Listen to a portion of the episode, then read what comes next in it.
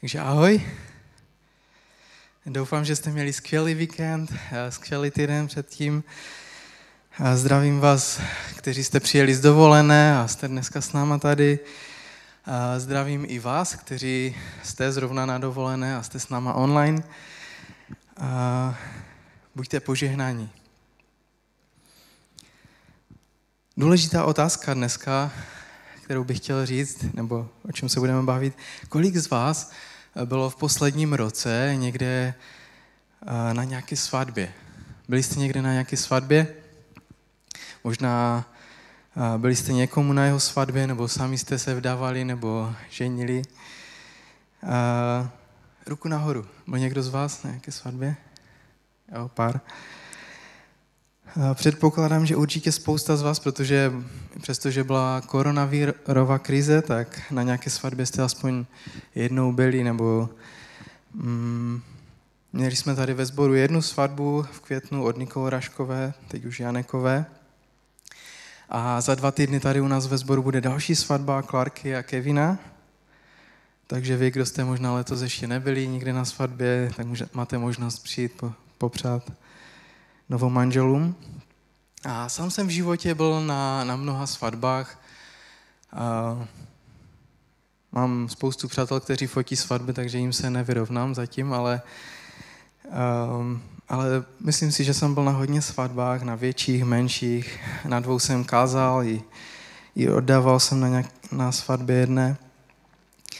A pamatuju si dobře ještě i na naši svatbu s mojí ženou Julie, rádi na to vzpomínáme vždycky, když si prohlížíme fotky nebo když je čas, vzpomínáme na to rádi, a, protože je to vždycky krásný den, že? Ať už je jakékoliv počasí nebo program, prostě je to, je to super. Dobře, ale svatba, na kterou se budeme dívat dneska, je dost odlišná od těch, které známe. Kromě toho, že, že si muž a žena slíbí věrnost a jsou prohlášeni za manžele, tak svatba v prvním století v židovské kultuře byla o hodně jiná, než jako ji dneska známe my.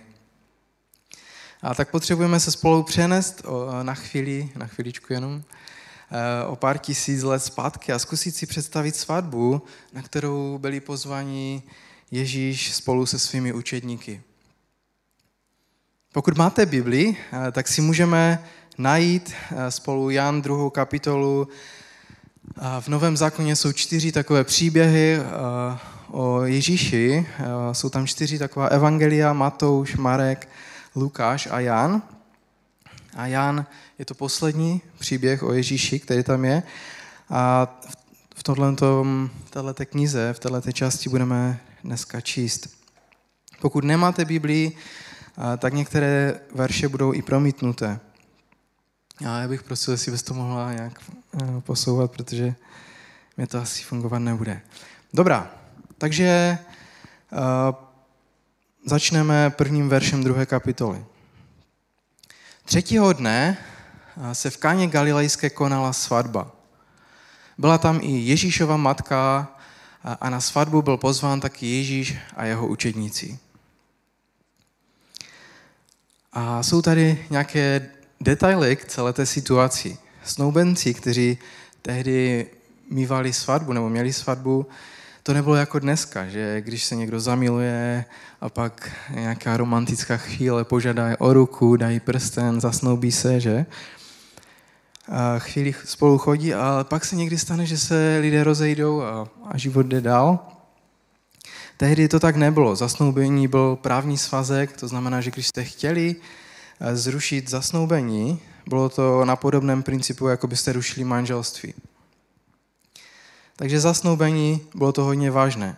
Další věc, během zasnoubení, přesto, že už to bylo tak vážné, tak ta žena bydlela ve svém domě se svou rodinou, on bydlel ve svém a když on byl připravený a připravoval už na nějaké bydlení pro ně a nějaké další věci, tak, tak když on byl připravený, tak se oznámila svatba a on a jeho přátelé šli do jejího domu, podle toho, co víme ze zmínek, jak to vyp- asi vypadalo v tom prvním století v Izraeli, šli do jejího domu a ten obřad se dělal v jejím domě. což bylo víceméně s pár lidmi, celkem soukromá záležitost. Nevím, jestli, jak to vypadalo přesně, jestli si vyměnili sliby nebo něco. Byli prohlášeni za manžele v jejím domě a potom odešli z toho domu a šli do ženichova domu a ta hostina se odehrávala právě tam. A co bylo zvláštní, ta hostina mohla trvat tři, čtyři, pět eh, dnů, možná týden. A finanční zodpovědnost za hostinu měl ženich. Kolik z vás, eh, kdo budete v budoucnu dávat dcery, si říkáte, jo, pecka, nechceme to vrátit zpátky? A nevím, jak to přesně bylo, jestli hosté chodili během eh, dne nějak do práce eh, a večer se vrátili a dál slavili, nebo prostě měli týden volno, nevím. Předpokládám, že to bylo asi večer, tři, čtyři, pět dní, možná i týden. A to je jeden z velkých rozdílů mezi naší svatební hostinou nebo rautem a jejich několika denní oslavou. Protože naše hostina trvá několik hodin do večera, že? A jejich byla den za dnem několika denní událost. Jan, když to zaznamenává, tak to dělá celkem pečlivě a píše kde, kdo, píše se kdy, dává nám hodně podrobností, ukazuje nám to jako chronologickou událost, nějaké dny tam jsou popsané, na nějakém konkrétním místě. A neříká, bylo, nebylo, Ježíš se objevil na svatbě, nějaká taková věc, ale píše den, kdy se to stalo, říká na jakém místě a kdo tam s ním byl. Takže místo, jak se jmenovalo to místo? Byla to Kána.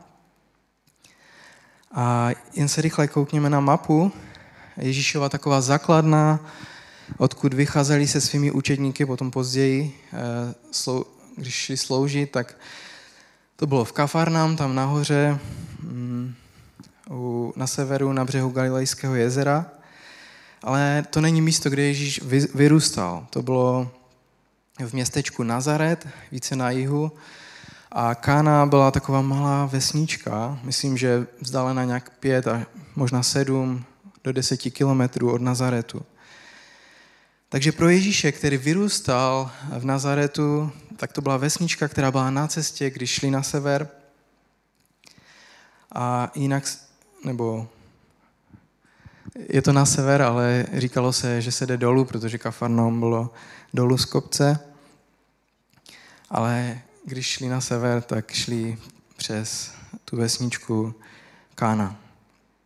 Když otevřeme své Bible a čteme počátek té druhé kapitoly, tak čteme třetího dne.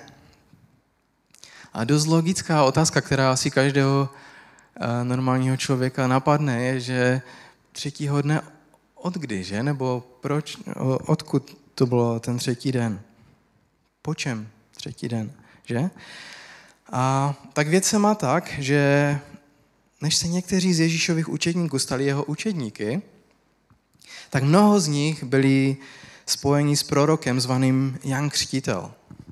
A když bychom trochu přetočili tu pasku eh, na spatek, tak Jan Křtitel byl prorok, který nosil velbloudí kůži, které byl oblečený, jedl obyčejné jídlo, kobylky, med divokých včel. Jednoduchý, hodně jednoduchý životní styl. A křtil lidi v řece Jordán a volal je k pokání z hříchu. Byli tam nějací náboženští představitelé z Jeruzaléma, kteří si říkali, to je zvláštní, nic se další dobu takového nedělo. A, a mají otázku pro Jana Křtitela a zní asi takhle. Jsi ten? Jsi ten, který má přijít? A proroky bylo totiž předpověděno spousta let předtím, že přijde židovský mesiáš. A bylo to mnoho staletí předtím prorokováno. A oni se chtěli ujistit, jestli to náhodou není on. A on odpovídá, ne, ne, ne, já to nejsem, ale uh, já jsem přišel, abych připravil lidi na jeho příchod. To znamenalo, pokud byli lidé studovaní nějak víc uh, v, v tom starém zákoně, který my, jak my ho známe, tak, tak si mohli už něco začít spojovat, říct si, jo, začíná to být vážné, tady přišel člověk, který má připravit lidi na jeho příchod. Takže se to blíží. Možná už je to za rohem. A Jan měl takový okruh svých nejbližších učedníků. Stejně jako my známe, že pán Ježíš měl svých 12 učedníků, tak Jan měl okruh svých blízkých učedníků. A najednou vidíme, když čteme tu první kapitolu Jana, že, že on to tam zmiňuje, ten celý příběh, jak to začíná. Jo? A tam je napsáno, že Jan ukazuje, že tam někde na horizontu se objevil Ježíš a, a jde tam a jde k ním a Jan jim říká, podívejte se, ten chlap tamhle, to je beránek, který snímá hříchy světa. Ukazuje jim na Ježíše, 30-letého normálně vypadajícího chlapa, který jde k ním a říká, hele, beránek boží, který snímá hříchy světa. A teď možná ti už jeho nejbližší učetníci si říkají, tak to je asi on. A druhého dne, tam je napsáno, je Jan s dvěma svými učedníky, Janem, ne samozřejmě, ale autorem Evangelia Jana, který tohle to píše, a Ondřejem. A znovu říká, hle, beránek boží. A, a ti učedníci, teda, když, když to Jan řekl, tak šli za Ježíšem. A tak Jan a Ondřej jdou za ním a Ježíšova první reakce je taková zvláštní. A ptá se jich, co chcete? Co, co hledáte? A to je takový jejich první rozhovor, takový zvláštní. Asi by vás to úplně odradilo, že? Tak, tak co chcete? A, a oni říkají, kde bydlíš? Nevěděli možná, co se zeptat, tak se zeptali, kde bydlíš? A on říká, pojďte se podívat. A teď začíná ten náš příběh. Třetího dne jdou na tu svatbu. Jsou tam Ondřej a Jan, Šimon, on, to byl Ondřejův bratr, kterého se nazývá Petr, potom Filip a Natanael. Co to znamená je, že, že ho sotva znají. Jo? To bylo třetí den od toho, co vůbec ho poprvé uviděli. A kdy o něm uslyšeli od Jana, to byly možná dva dny, kdy ho nasledovali. Jo? A když sledujeme společně Ježíšův život, když se díváme na něho, tak skrze příběhy Evangelia pozorujeme učedníky, jak oni pozorovali Ježíše. Jaký je, co dělá a to nám zprostředkovávají. Učedníci ho znali hodiny, nasledovali ho hodiny. Co to pro nás znamená v tomto příběhu? Nemyslím si, že vůbec do téhle chvíle kohokoliv uzdravil. Nemyslím si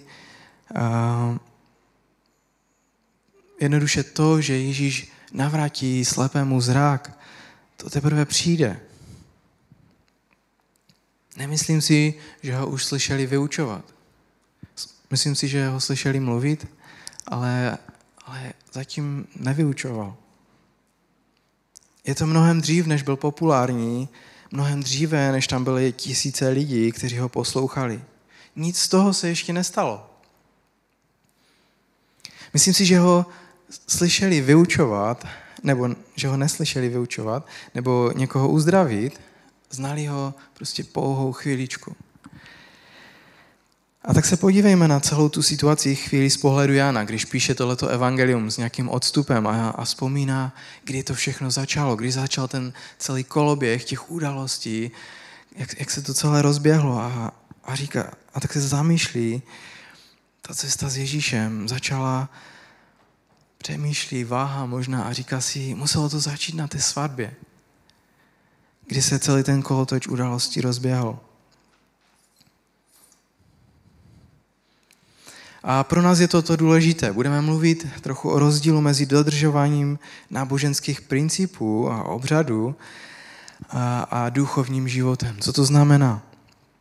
Když se podíváme na to, co se stalo na té svatbě, budeme se ptát otázku, jaký je rozdíl mezi náboženskými obřady a tím novým životem v Ježíši Kristu. Protože ten rozdíl je radikální a extrémní.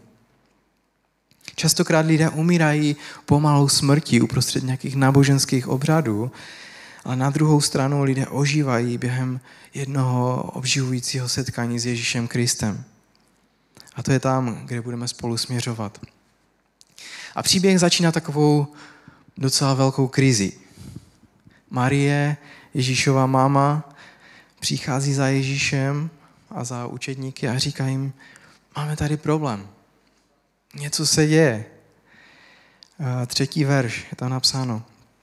Když začalo docházet víno, Ježíšova matka mu řekla, nemají víno. Nevíme, možná Marie pomáhala s tou svatbou nebo měla nějakou zodpovědnost a přichází s tím, že máme problém a potřebujeme ho vyřešit. V naší kultuře si říkáme, no a co? Došlo víno, tak marné. Byl jsem na mnoha svatbách a na mnoha podávali alkohol a na mnoha vůbec ne, pouze nealko. Došlo víno, no tak co? Tak budeme pít něco jiného.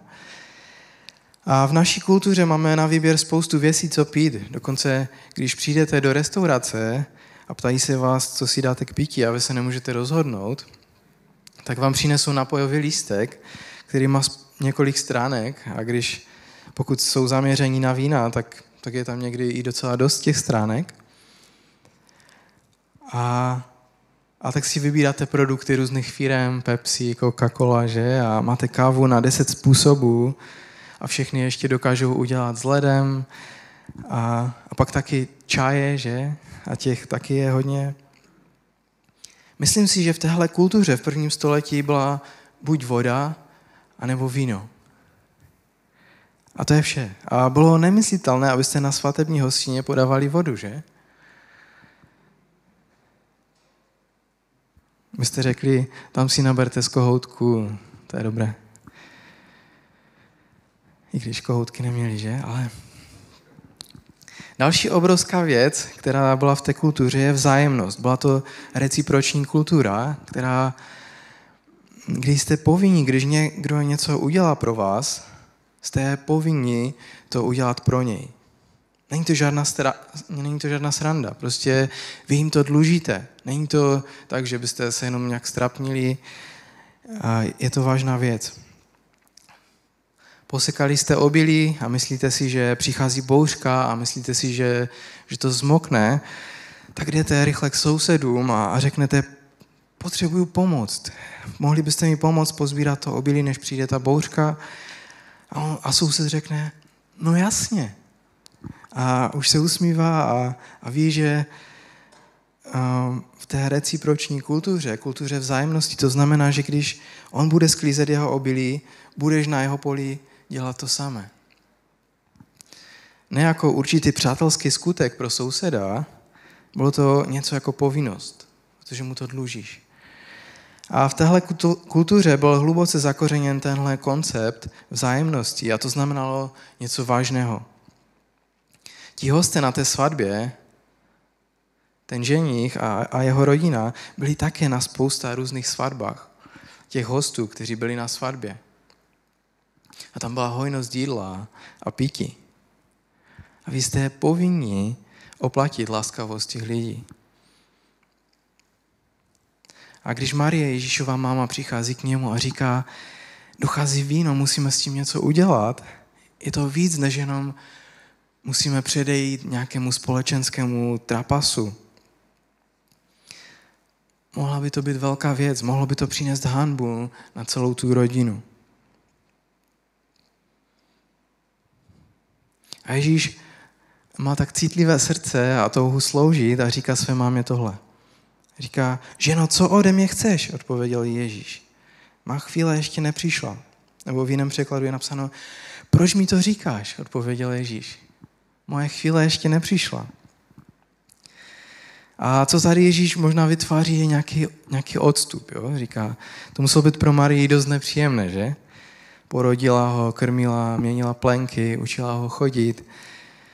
Dokonce není žádná zmínka o tom, že žil Jozef, když byl Ježíš dospělý. Pokud už teda nežil, Ježíš jako nejstarší syn byl zodpovědný za domácnost. To znamená, že on byl tím mužem v domácnosti který prostě za kterým by měla jít, když, když něco potřebuje řešit. Proč by teda za ním nepřišla, že? Vytváří jakoby odstup, jako by říkal, mami, když začnu tuhle veřejnou službu, tak potřebuju být poslušný pouze jednomu hlasu a ten hlas není tvůj. Au. Bolí, že? A je místo zapsáno dále během Ježíšovy služby, kde je napsáno, že přišel, aby dělal to, co se líbí Otci, co se líbí jeho Otci, který je v nebi. Je to v 8. kapitole 29. verši. Potřebuju být zaměřený na jeden hlas. To se možná Marii neposlouchalo dobře, ale tak to bylo. Jednou taky později přišli za ním nějací lidé a říkají, že venku čeká na něj jeho matka a jeho bratři a on říká, kdo je má matka a mý bratři. Znova takové zvláštní místo, že? A říká, ten, kdo činí vůli mého otce, je můj bratr, sestra i matka. Dává najevo, ano, je tady biologická rodina, ale zároveň je tady duchovní rodina a nejde ven k té rodině. A myslím, že to dělá záměrně a vytváří nějaký odstup. Nebylo to určitě něco jednoduchého ani z jeho strany, ale nebylo to ani něco jednoduchého přijmout.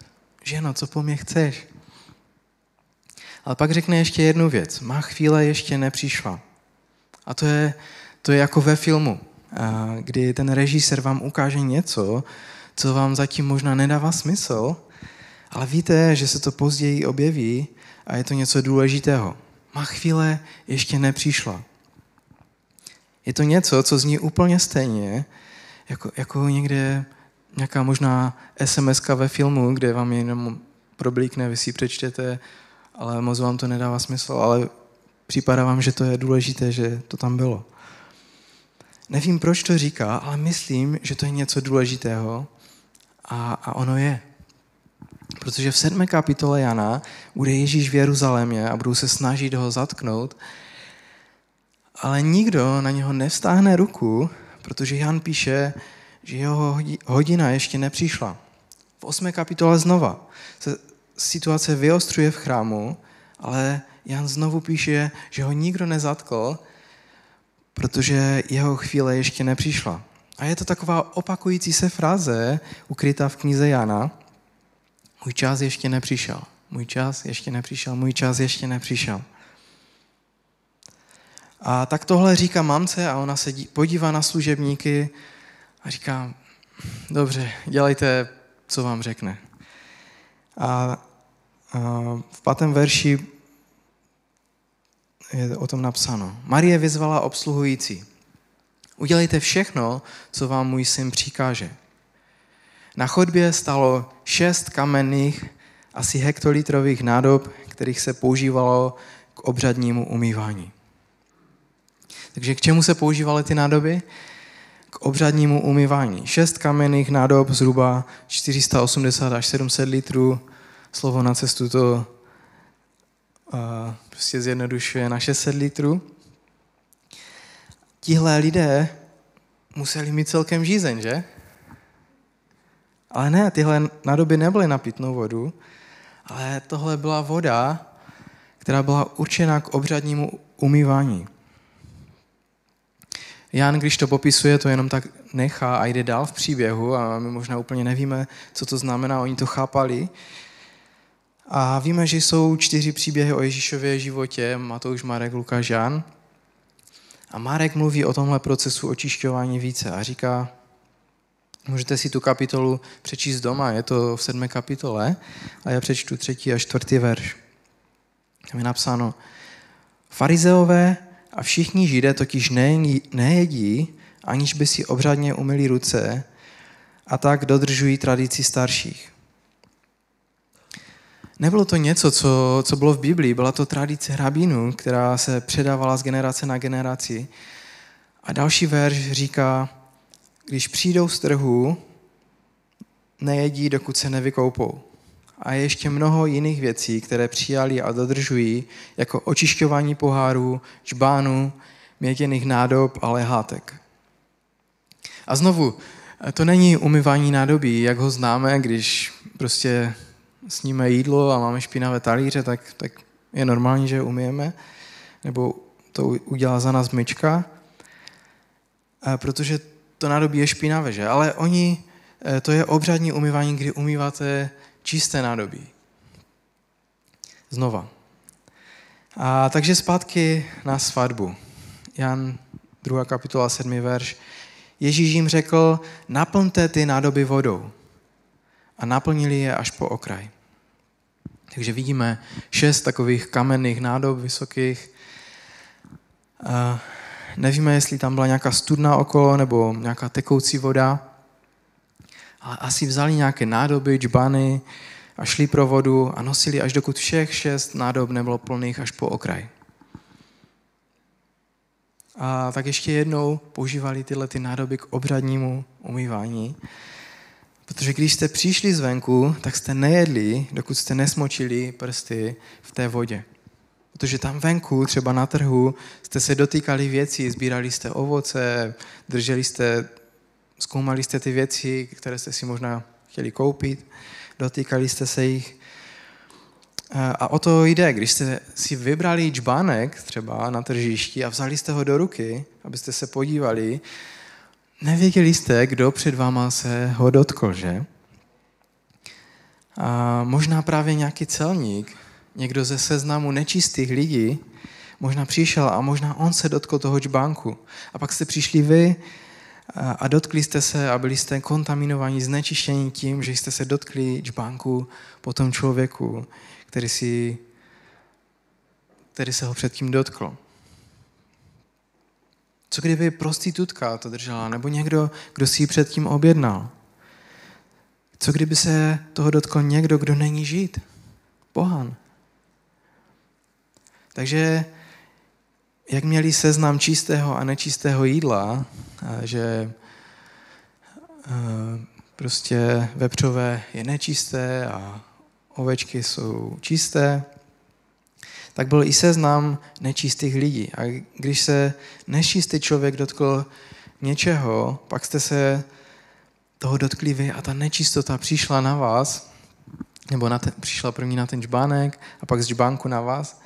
A když jste pak jedli těma rukama chléb a, je, a jedli byste ho neumytýma rukama, tak ta nečistota vstoupí do vašeho těla a pak jste celkově nečistí.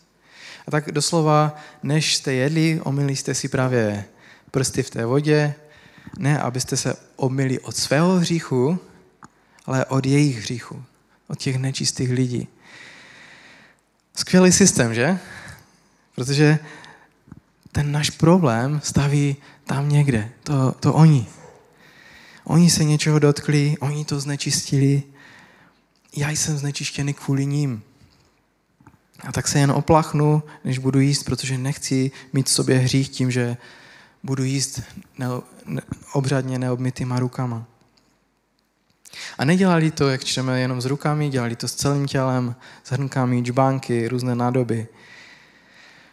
A jak vážně to vůbec brali? Myslím, že tady v tomhle domě, kde probíhá ta svatba, to brali dost vážně. 500 až 700 litrů vody. Šest kamenných nádob. To je náboženská kultura, do které Ježíš vstupuje a na které, na které je na svatbě a jde to převrátit z hůru nohama. Pak jim Ježíš říká v dalším verši tohle. Řekl jim, teď nalejvejte a doneste vrchnímu správci svatby. A tak to udělali. Jakmile vrchní správce svatby okusil tu vodu, z níž se stalo víno, Jan nám tady říká, že Ježíš proměnil tuhle vodu v kvalitní víno, vyzrálé víno. A o tom správci je napsáno, a nevěděl, odkud je, ale služebníci, kteří tu vodu nalévali, věděli. Zavolal ten vrchní správce ženicha a řekl mu, každý člověk podává nejdříve nejlepší víno a když jsou hosté opilí, podává to horší. Ty jsi zachoval nejlepší víno až do konce. Zvláštní situace, že? Něco nehraje. Něco nám nehraje s kvalitou vína. je to nějak lepší, než by mělo být. Ženich netušil, odkud to je, správce nevěděl, odkud to víno je. Byla to hodně soukromá věc. Pár služebníků bylo hodně překvapených, když to možná uslyšeli potom. Ale byl tam Jan, byl tam Ondřej, byl tam Petr, Filip a Natanel. Oni to viděli. Třetí den po tom, co se setkali s Ježíšem. A v podstatě je to konec příběhu, tečka. Možná bychom se zeptali, proč to máme v Biblii? Proč to tam je? Vlastně je to první zaznamenaný Ježíšův zázrak. Nevím, jak vy, ale já bych si vybral něco jiného jako první zázrak. Víno na svatbě. Uzdravení malomocného, možná to zní líp, ne? Nějaký člověk, který má skvrny na ruce, musí opustit svůj dům, opustit svou rodinu, vesnici, práci, své děti. Když jde někdo proti němu po cestě, tak musí zdaleka volat, jsem nečistý, jsem nečistý. A ten člověk ho zdaleka obejde. Ale, ale přijde Ježíš a dělá nemyslitelnou věc. Dotkne se toho člověka a ten člověk je uzdraven. Vrací se ke své rodině, do své vesnice, do práce, ke svým dětem. Všichni o tom vědí. To bych si já vybral jako první zázrak. Ale víno na svatební hostině? Co s tím? A dobře, chtěl bych zmínit čtyři taková slova, které nám pomohou, pomůžou to trochu pochopit. První slovo je soucit. A tenhle pár, tenhle možná ženích, neměl pravděpodobně dost peněz na to, aby měli připraveno dostatek vína, které bylo obvykle v té vesnici. A Ježíš pomáhá tomu člověku. Když čteme Biblii, tak vidíme častokrát, že na božím srdci je speciální místo pro ty, kteří zažívají těžké finanční problémy a kteří zažívají nedostatek. A je to něco, co Bůh působí v lidech, eh, kteří mají nějaké zdroje, kteří mají finance, aby dávali těm, kteří nemají. Neměli víno a Ježíš měl soucit. Pomohl tomu ženichovi první slovo soucit. A vzpomínám si na příběh, který mi říkala moje se, sestra. Ona zakládá sbor v Jablunkově a, mm, měli tam nějakou ženu, která, nebo muže, už nevím, už nepamatuju, ale který uvěřil a, a tak přemýšlel, jakým způsobem může sloužit a tak se vždycky před každým tím setkáním, které měli nějakou bohoslužbou, modlil, co mám dělat. A a pak přišel za Zuzkou jednou po a říká, já, já nevím, jakou mám službu, ale dneska jsem tak vnímal, že mám obdarovat někoho tam, nevím, tisíci korunou a dal jsem to tam tomu člověku a myslím si, že to je ta moje služba dneska. A přesně, a, a Zuzka říká, jo, přesně to je to, co, co je, k čemu nás Bůh vede, protože Bůh je ten, který projevuje soucit a který nám to dává do srdce. I když my ne, nemus, nemusíme vědět, jaká je situace těch druhých lidí, že? Druhá věc, druhé slovo je identita. Jan Křtitel tam křtí a, ptají se ho, syn ten, který má přijít, a on říká, ne, ne, ne, já to nejsem, přišel jsem, abych připravil lidi na příchod toho, který skutečně je ten, který má přijít. Ale vlastně jsme úplně nedokončili ten příběh. Je tam ještě poslední verš, jedenáctý, a tam je napsáno, toto Ježíš udělal v káně Galilejské jako počátek svých zázraků. Tehdy zjevil svou slávu a jeho učedníci v něj uvěřili. Najednou po tomhle zázraku učeníci řekli, jo, to je on. A během Janova popisu Ježíšova života vidíme od narození slepého muže, jak najednou vidí, ten muž, nebo další muž, který byl chromý, najednou chodí a my to můžeme chápat. To, co Jan píše, je to, aby nám ukázal, jak on přišel k tomu, že, že poznal, že Ježíš je skutečně ten, který měl přijít. Abychom my mohli uvěřit v to, kým Ježíš je.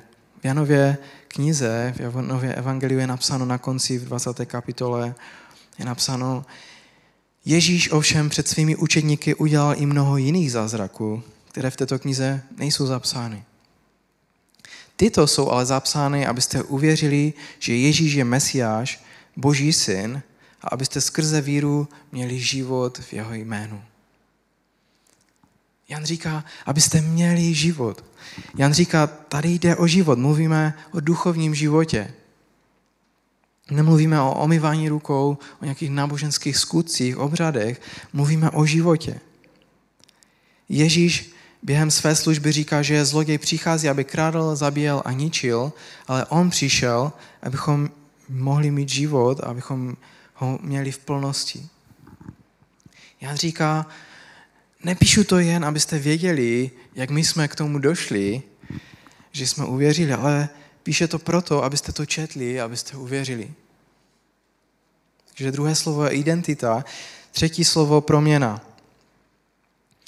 Chci vám říct, že tenhle zázrak není jen o tom, že Ježíš změnil vodu ve víno, ale Ježíš změnil tu konkrétní vodu ve víno. Voda pro obřádní omývání. Vodu, která říkala, hřích je problémem tam někde. Všechno, co potřebuji udělat, je ponořit svoje prsty, aby hřích nebyl v mém životě. Ježíš říká, ne, ne, takhle to není. Je potřeba, je potřebná radikální proměna. Tady je voda, ale tady je víno. Proměna vody ve víno vyžaduje radikální proměnu. Později Ježíš ve své službě mluví o tom, že to není o ponoření prstů, ale o transplantaci srdce. O tom, že máme úplně nové srdce. To místo, kde jsme se dívali v Markovi 7. kapitole, kde říká o tom obřadním obmyvání, tak Ježíš pak volá zástup k sobě a říká, to, co z člověka vychází, to člověka znečišťuje. Není to o kousku chleba, který vchází. A pak je tady seznam. A je tam napsáno, neboť zevnitř, ze srdce lidí vycházejí zlé myšlenky, smilstva, krádeže, vraždy, cizoložství, hrabivost, špatnost, lest, bezúzdnost, závist, urážky, pícha, pošetilost. Všechny tyto špatnosti vycházejí zevnitř a znečišťují člověka. Problém je hluboko, hluboko v našem srdci. Nepotřebuješ čistější prsty, potřebuješ nové srdce. Potřebuješ, ne, nepotřebuješ být lepší, potřebuješ být nový. A poštol Pavel, který funguje v Novém zákoně asi 10 let po Ježíšově ukřižování a začal budovat církev v hlavních městech římské říše, tohle píše on v 2. Korinském 5. kapitole a tam je napsáno, proto je kdo v Kristu, je nové stvoření. Staré věci pominuly, hle, je tu všechno nové. Když máte živé spojení s živým Ježíšem Kristem, říká, že jsi nový člověk. Bratři a sestry, přátelé, tohle je dobrá zpráva, to je evangelium. Je to nový start, je to nové narození. Kdokoliv je v Kristu, je úplně novým stvořením. Takže třetí slovo je proměna. A poslední čtvrté je poslání. A jak jsme si říkali, Ježíš říká tohle divné oslovení Marii. Proč, proč mi to říkáš? A pak říká větu, která se opakuje na více místech. Má chvíle ještě nepřišla. Jan 2. kapitola, Jan 7. kapitola, Jan 8. kapitola. A v 12. kapitole, týden předtím, než bude Ježíš ukřižován, tak se tam dějou takové zvláštní věci, přicházejí tam řekové a chtějí vidět Ježíše, co dělá. A tak říkají svým učedník, teda říkají Ježíšovým učedníkům, tak můžeme vidět Ježíše a, a co Ježíš říká. Tam napsáno v 23. verši. Ježíš jim řekl, přišla hodina, aby byl oslaven syn člověka. Přišla má hodina. Najednou to začíná dávat smysl, že? Ty všechny místa, kdy, eh, kdy, tam, Jan, kdy tam Jan píše, ještě nenastal ten čas. Ale najednou Ježíš říká, přišla má chvíle. Týden před smrtí, přišla má hodina. Mluví o svém poslání, kde položí svůj život za tvůj. Je to výměna života. Jeho smrt, můj život. A úplně v prvním zázraku, který Ježíš udělal na té svatební hostině, dostáváme náznak něčeho, co přijde úplně, úplně na, na, v tom samém závěru. O čem mluvíme, je rozdíl mezi náboženskými skutky, náboženskými obrady a duchovním životem. Náboženství je zkoušení být lepším.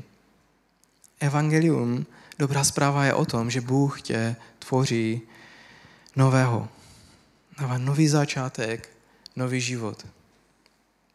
Náboženství je o tom, že si něco zasloužíš, že si to nějakým způsobem vyděláš. Zasloužíš. Je to o přijímání eh, toho, co, co si prostě, co ti patří, ale evangelium je o přijímání něčeho, co, co se ti nabízí, co si nějakým způsobem nezasloužíš. Jako když něco vezmeš. To je rozdíl mezi náboženstvím a evangeliem. To, tou dobrou zprávou. A mou naději pro dnešní den je, aby za pět, za deset, za patnáct let, když se vás někdo bude ptát na vaši duchovní cestu, aby někteří z vás řekli, vzpomínám si na srpen 2021, kde Honza vysvětloval rozdíl mezi náboženským obřadem, tím, co znamená náboženství, a duchovním životem. Jak Bůh nepřišel, aby nás udělal lepšími, ale jak přišel, aby nás udělal, učinil novými, novými lidmi. Potřebujeme mít transplantované srdce, nové srdce, to duchovní srdce. Pro, pro učetníky to bylo, jako by se jim rozsvítilo světlo. Protože není to něco, co si zasloužíš nebo si získal za své zásluhy, je to něco, co si přijal. Není to o tom být lepší, je to o tom být novým člověkem. A budu se krátce modlit za, za vás a, a můžeme sklonit své hlavy. Nebeský oče, já věřím tomu, že mm, na počátku si promluvil a postala příroda a ty věci, které jsou okolo nás a můžeme je sledovat. Stvořil si život a naší naději a zároveň i radostí je to, že i dneska děláš stejné věci, že znova tvoříš život děláš nové věci v životech lidí. Děláš nové věci v našich životech. A když lidé nechají za sebou svůj náboženský život, usilují o život v tobě, usilují o život v Ježíši Kristu. A tak, tak je prosím o to, aby každý, kdo je na tomto místě, abychom mohli být lidmi, kteří mají nové srdce, Děkuji ti za to, co jsi nám dal a co nám dáváš v Ježíši. Sláva tobě, Otče. Amen. Amen.